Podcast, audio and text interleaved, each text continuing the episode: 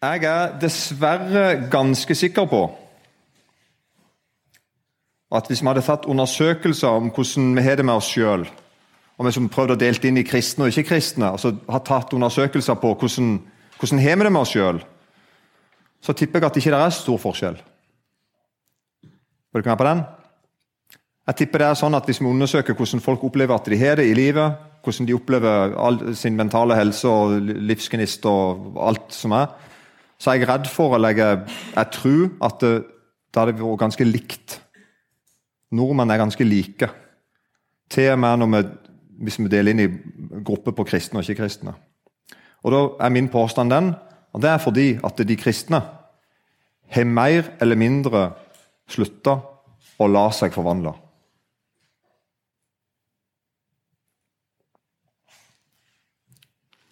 Med det så mener jeg altså at vi har kristendommen blitt mer som en religion. En, en greie, noe du gjør på fritida. Kanskje godt og vel. Og som ikke da har den dynamitten i seg som vi snakker om i kveld. Det der med at Gud kommer inn og forandrer meg, den, den dimensjonen er nesten fraværende.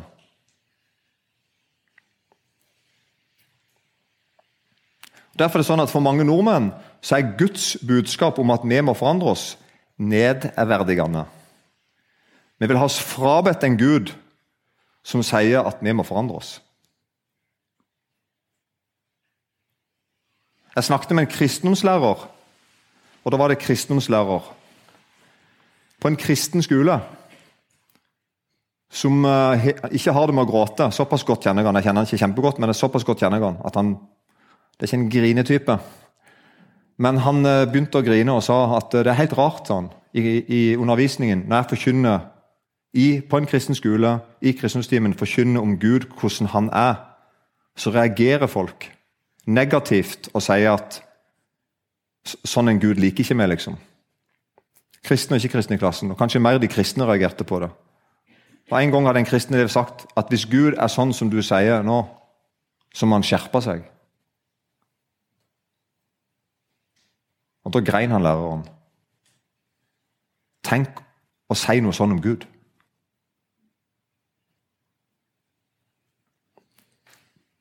Og det som er rart er at Mens vi sier at Gud, du må ikke komme og fortelle at jeg må forandre livet mitt, eller at det skal få følger for meg og, og, og min måte å leve på, det vil jeg ha meg frabedt. Du skal elske meg sånn som jeg er. Det som er rart, at hvis du skal være ærlig Du har en del folk rundt deg du kunne ønske å forandre seg. Er du kommet på den? Det er en ekstremt sånn dobbeltmoral ute og går. Gud i himmelen, som har skapt meg, og som er hellig og god og sann, han bør ikke komme og si at jeg må forandre meg, men jeg syns at du godt kan forandre deg. Er du ikke med på den? Noe har gått galt på veien. Derfor spør jeg hvem er du som sier at 'jeg må forandre meg', men du har ikke tenkt å bøye deg sjøl? Eller som Jesus sier det mye bedre Hvorfor ser du flisen i din brors øye, men bjelken i ditt eget øye legger du ikke merke til? Lukas 6, 41. Du ser altså ei flis i din brors øye, men bjelken i ditt eget øye legger du ikke merke til. Rart. Og Denne forvandlingen som vi har vært inne på nå i Romerbrevet 12, vers 1 og 2, det er en veldig dyptgående forandring. Det ser vi i vers 2. da, Romerbrevet 12, 2. Innrett dere ikke etter den nåværende verden. I en annen oversettelse står det 'skikk dere ikke lik verden'. Innrett dere ikke etter den nåværende verden, men la dere forvandle ved at sinnet fornyes så dere kan dømme om hva som er Guds vilje, det gode, det som er til glede for Gud, det fullkomne. Det er noe veldig djupt noe. Og ordet, ordet 'konvertere' det kommer fra latin 'konvertere', som betyr å vende om eller omforme. Og et, Når jeg slår opp i Norske Akademis ordbok, så er det særlig tre Eh, tre betydninger av ordet. Tre veldig vanlige betydninger. Dette er den vanligste måten å tenke sånn at Konvertere er en, en, på en måte en total omforming, altså en omdannelse. Du blir sånn totalt forandra. En annen måte som er veldig vanlig å bruke, er når for en, en som før var muslim, blir kristen. Så sier vi at uh, muslimen konverterer til kristendom. ikke sant? Da skjønner vi altså, Det, det, det er ikke småtteri. Det er som om vedkommende da bytter liksom verdensforståelse. Bytte Gud. Det er en veldig sånn stor ting å gjøre å konvertere til kristendom, f.eks. Og Det får jo dramatiske følger. som regel ikke sant? At det er rundt deg Liksom, hva du holder på med, hvorfor, hvorfor er du ikke blant oss lenger? og Hva var det nå som skjedde? Sånn, så, sånn brukes ordet ofte, å konvertere til en annen religion. Eller kanskje enda mer vanlig nå i dag, er i, på dataen. At du har, en, du har en fil i en format, og så må du konvertere den til en annen format. Ikke sant? For å sende den, eller for å behandle den, eller for at noen andre kan lese den på sin Mac, f.eks. Så det er sånn, sånn bruker vi ordene. Og Grunnen til at vi snakker om konvertering nå, er at akkurat nå, mens jeg snakker om dette, så er det et lovforslag i det norske systemet. Det er forslag om nye lover i Norge som er til behandling på riktig måte i styre og stell. I Stortinget er det oppe til forskjellige, forskjellige høringer. Og Forslaget handler om å forby noen både å være med og konvertere andre. Og lovforslaget òg forbyr egentlig det å la seg sjøl konvertere.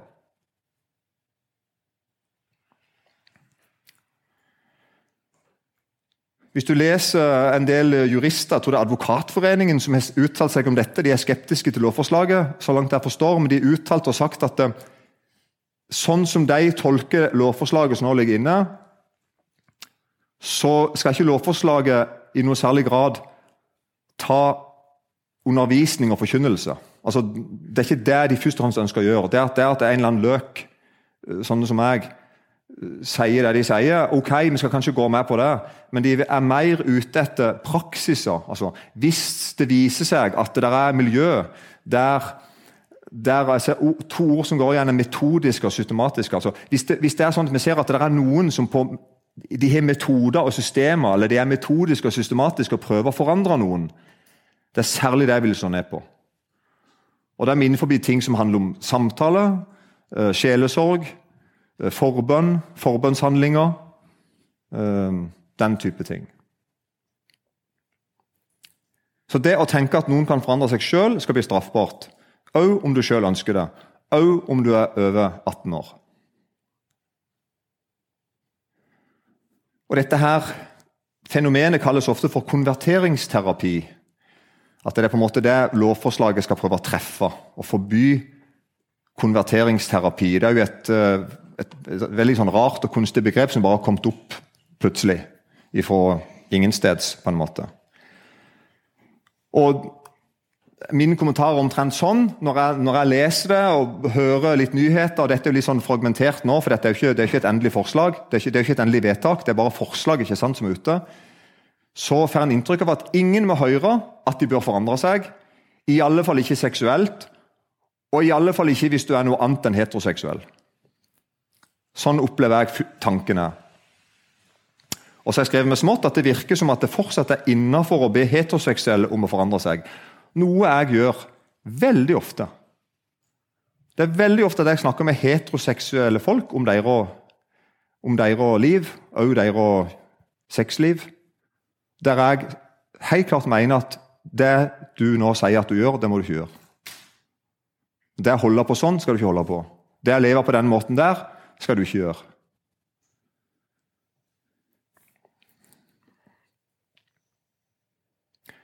Men det er altså et komplett kaos nå.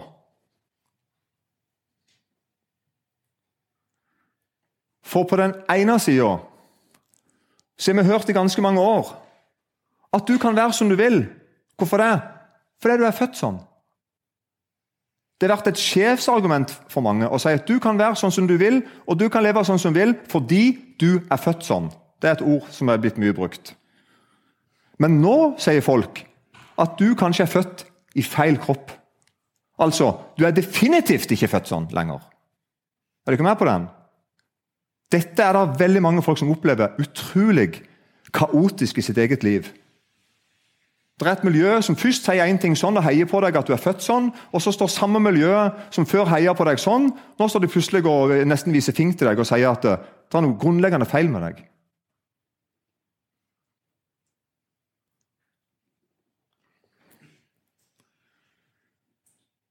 Du som nå kjenner deg igjen i dette her, jeg ønsker å stå opp for deg. I Jesu navn.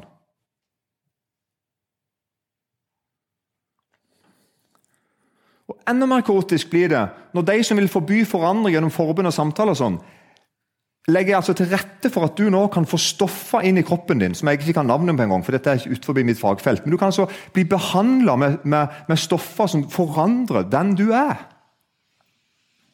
Og Vi kan legge til rette for at vi til og med kan operere deg, fysisk operere deg, sånn at du kan bli noe annet enn sånn som du var født. Selv om alle de kroppsdelene fungerte før. Og for å toppe det helt Før så kjempa vi for at kvinner måtte komme inn i mannsdominerte områder. Og det var ganske mange. Vi sa at kvinnene må komme inn og sette sitt preg på greiene, enten det var i et styre eller ikke sant, eller samme hvor det var i. Kvinnene må komme inn og sette sitt preg på dette. Hvorfor det? Fordi at menn og kvinner er veldig forskjellige. Og Skal vi få en helhetlig forståelse av hvordan vi vil ha det i næringslivet eller i kristenlivet, eller hva slags liv det måtte overalt, så trenger vi begge røstene, begge kjønnene. ikke sant? Men nå er mann i anførselstegn og kvinne i anførselstegn forsøkt viska ut som litt sånn Det betyr ikke noe. Og så har jeg skrevet her at du kan endre kjønnet på internett. Så tenkte jeg etter jeg hadde skrevet det, at jeg må jo sjekke om det er sant. For det er faktisk aldri sjekka.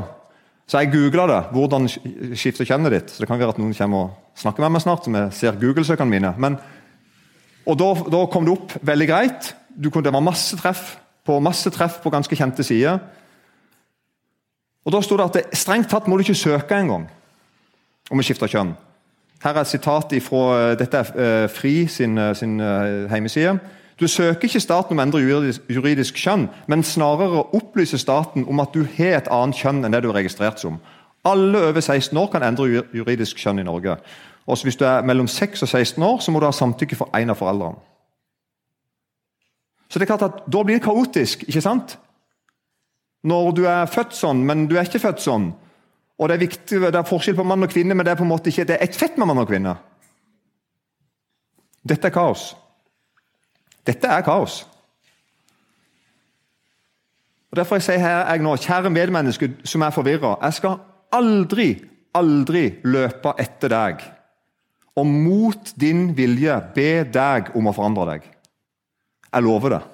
Jeg skal aldri gjøre det. Jeg skal aldri presse på deg min Gud uten å bry deg om deg og dine valg og din situasjon. Det kan være at du vil oppleve at jeg er sånn farlig nære et eller annet som oppleves som press, men da skal jeg stoppe. Og Hvis du kom her og hørte over kveld, så det er ansvar for du ta sjøl. Du kom her.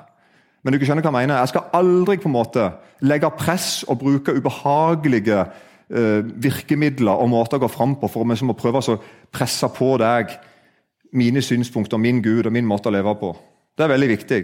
Og Hvis du ikke følger Jesus, og hvis du ikke vil være en del av kirka, men du er kameraten min, da vil jeg si noe til deg. Er du med på den? Hvis du er kameraten min, hvis du vil være vennen min, og det håper jeg du vil, og du ikke hører Jesus til, og du ikke har tenkt å gjøre det heller, og du, ikke, og du går ikke i, i, Guds forsamling, da vil jeg si til deg, Hvis noen kommer etter deg og plager deg med sine tanker og holdninger, så vil jeg si ligg under kameraten min.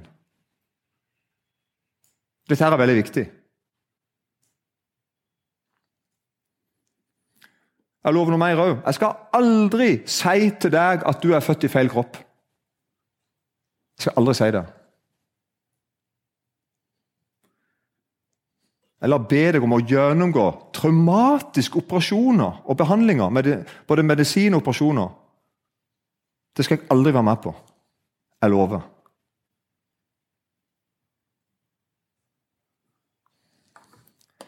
Men hvis du ønsker å følge Jesus Kristus, og hvis du vil ha fellesskap med meg, da lover jeg deg én ting hvor vi to skal gjøre sammen. Vi skal gjøre det som vi allerede lest i Romerbrevet 12, 1. Vi, jeg og deg skal ved Guds barmhjertighet bære kroppen vår fram som et levende og hellig offer til glede for Gud. Det lover jeg deg å være med på. Jeg skal ta med deg og meg, og det skal du òg gjøre. Det skal være vår åndelige gudstjeneste.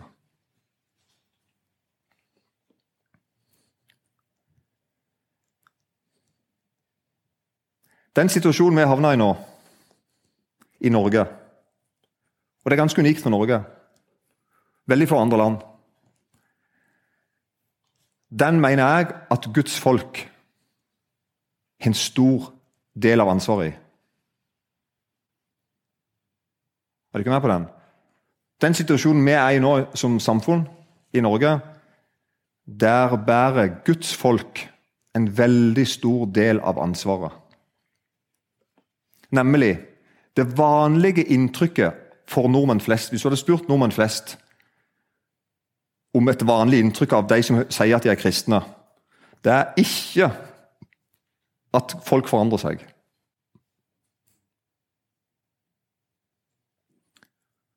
Men tvert imot er det vanlige inntrykket. Det virker som at de som hører Gud til, de ber Gud om at han skal bekrefte dem. Og Hvis ikke han gjør det, så bare forandrer vi Gud sånn at han gjør det.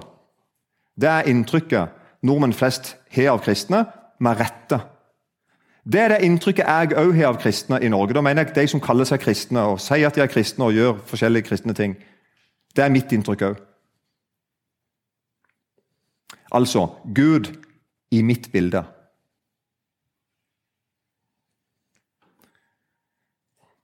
Derfor tror jeg at mange i Norge ser nok at kristne lever som de vil, men de legger byrde på de andre. Er det ikke mer på den? De opplever som en sånn en fullstendig urettferdig og, og, og, fullstendig falskt. at det, Her går dere rundt og har skapt Gud i deres bilde som passer til dere. Og så er vi to-tre stykker på utsida som ikke passer helt inn i deres bilde. Og vi skal bli pålagt å forandre oss. Er dere med på den?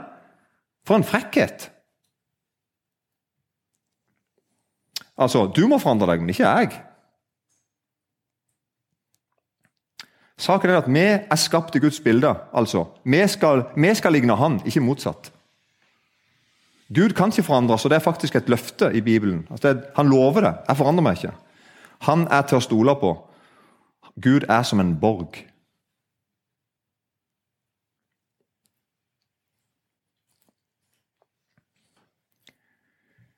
Vi som kaller oss kristne, det er vi som ikke har omvendt oss. Det er vi som ikke har latt oss forvandle. Vi har levd våre liv med trykk på våre, og ikke respektert Gud som den som både vil og kan forandre. Dette mener jeg, det jeg sier nå, Hvis det er noe jeg mener, hvis det er noen ting jeg mener, så er det jeg sier nå. Det er vårt ansvar akkurat nå, det som skjer. Vi har nok på en eller annen måte lest verset som, har hatt, som jeg har lest allerede fem ganger tror jeg nå i kveld. Romerbrevet 12,1. Vi har lest verset om at, at Gud formaner oss ved Guds barmhjertighet, at vi skal bære kroppen fram som et levende og hellig offer til glede for Gud. Og at det skal være vår åndelige gudstjeneste. Vi har lest verset, men vi har egentlig tenkt ja, Gud skal være glad som har meg. Vi tenker mer sånn at Offeret er at jeg skal komme til Gud og skal si se hva heldig du er som har meg. Det blir liksom som tanken. ikke sant? Og så skal Gud på en måte utelukkende bare bekrefte meg. Ikke noen ting annet. Bare medhårs bekrefter meg. Og vi ikke likt neste vers, for de henger jo selvfølgelig sammen. Innrett dere ikke etter den nåværende verden, men la dere forvandle ved at sinnet fornyes. Så dere kan dømme om hva som er Guds vilje, det gode, det som er til glede for Gud, det fullkomne.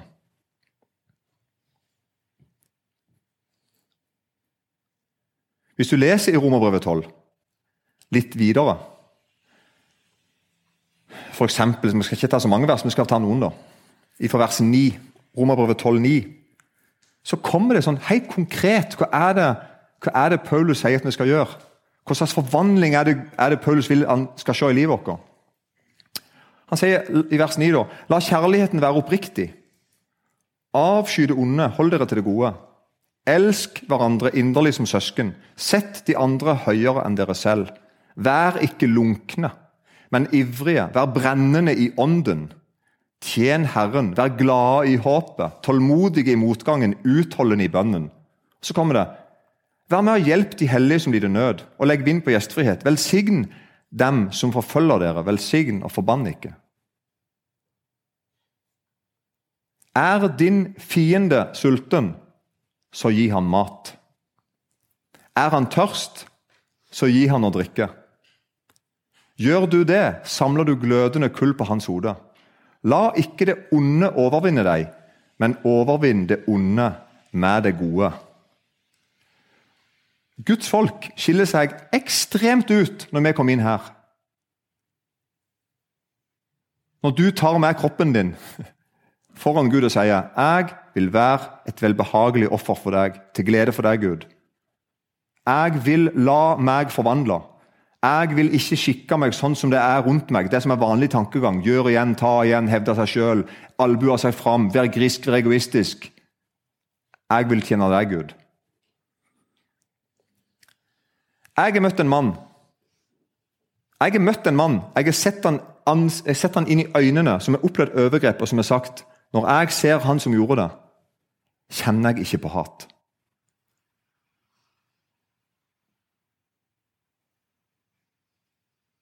Det er ganske dramatisk. Jeg kjenner folk som har slutta å ruse seg, og som har begynt på nytt fordi de lot seg forvandle. Ga Gud rett. Dette jeg snakker om nå, er mirakler som ikke alle opplever. Så det, det, er ikke sånn at du som ikke har opplevd dette, kan si det samme. Du på en måte, Da er det 100 rett ute. Nei, for det er et mirakel bare at du ønsker å være god. Når Guds folk opplever urettferdighet og innrømmer 'jeg liker det ikke', men jeg ønsker å være sånn som Bibelen sier. Jeg vil, jeg vil, ikke innrette meg, jeg vil ikke skikke meg lik denne verden. Jeg vil gå Guds vei i dette. Og Derfor er det sånn at mange opplever endringer innenifra i møte med det vanskelige livet.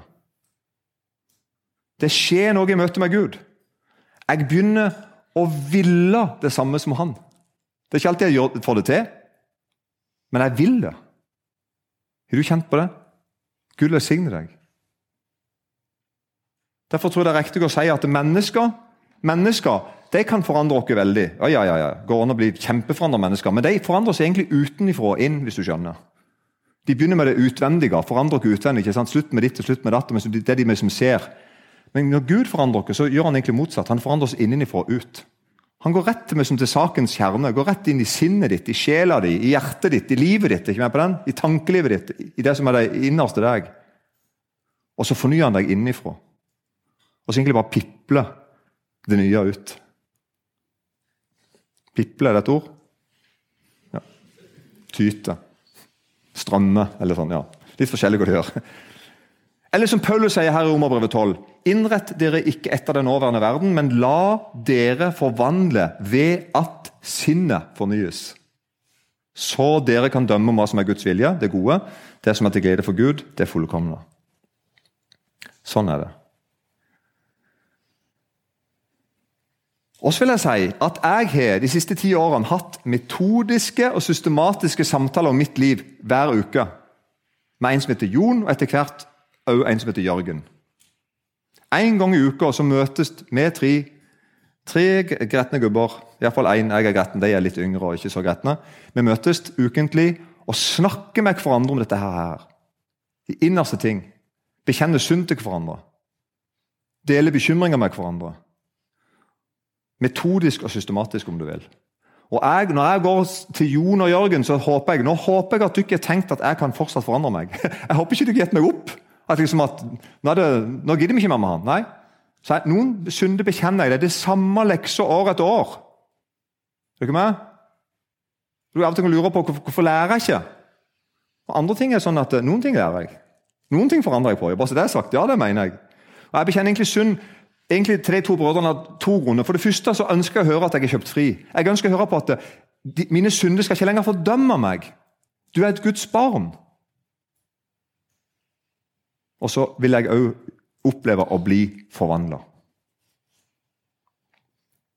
Så godt si jeg konverteres til mer og mer å ligne Jesus. Til mer og mer å komme hjem. Til mer og mer å komme i mitt rette element, hvis du ikke husker hundrelappen på Hekkfjellet.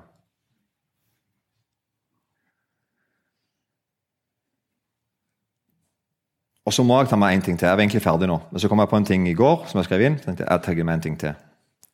Og det er det at Her på jord blir dette aldri 100% Det er ikke sånn at noen her blir forvandla så totalt at det er ingenting problemer med deg lenger, og alle syns bare du er en fryd fra innerst ytterst. Dessverre så er det ikke helt sånn, selv om noen er på god vei til det.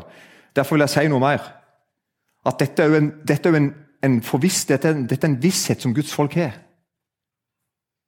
Og Det er nemlig sånn i 1. Korinterbrev 15, og i slutten der, vers 50 utover så sier Paulus at kjøtt og blod kan ikke arve Guds rike. Heller ikke skal forgjengelig arve uforgjengelighet. Se, jeg sier det ikke et mysterium. Vi skal ikke alle sovne inn, men vi skal alle bli forvandla. Da snakker Paulus om en total forvandling. En sånn en konstant, total forvandling.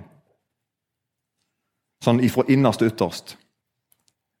Brått i et øyeblikk ved den siste basunen. For basunen skal lyde, og de døde skal bli reist opp uforgjengelige, og vi skal bli forvandlet. For dette forgjengelige må bli ikledd uforgjengelighet, og dette dødelige må bli ikledd udødelighet. Men når dette forgjengelige er blitt ikledd uforgjengelighet, og dette dødelige er blitt ikledd udødelighet, da er det ordet oppfylt som så skrevet. Døden er oppslukt til seier. Så vi lever nå i en konstant sånn renselse for våre synder. Vi lever i en fornyelse av vårt sinn, og så vet vi at en dag skal det ta skal si, helt av. Da skal det bli helt endelig. Takk, Jesus, at det er sånn. Takk at ikke du gir oss opp. Takk at du kjenner oss. Takk at vi kan komme til deg hele tida og snakke med deg rett fram sånn som det er. Takk at ikke vi overrasker deg eller overrumpler deg med sånn som er, for du visste alt om oss før du døde for oss. Og du døde likevel. Du ville det. Takk at det er sånn. Amen.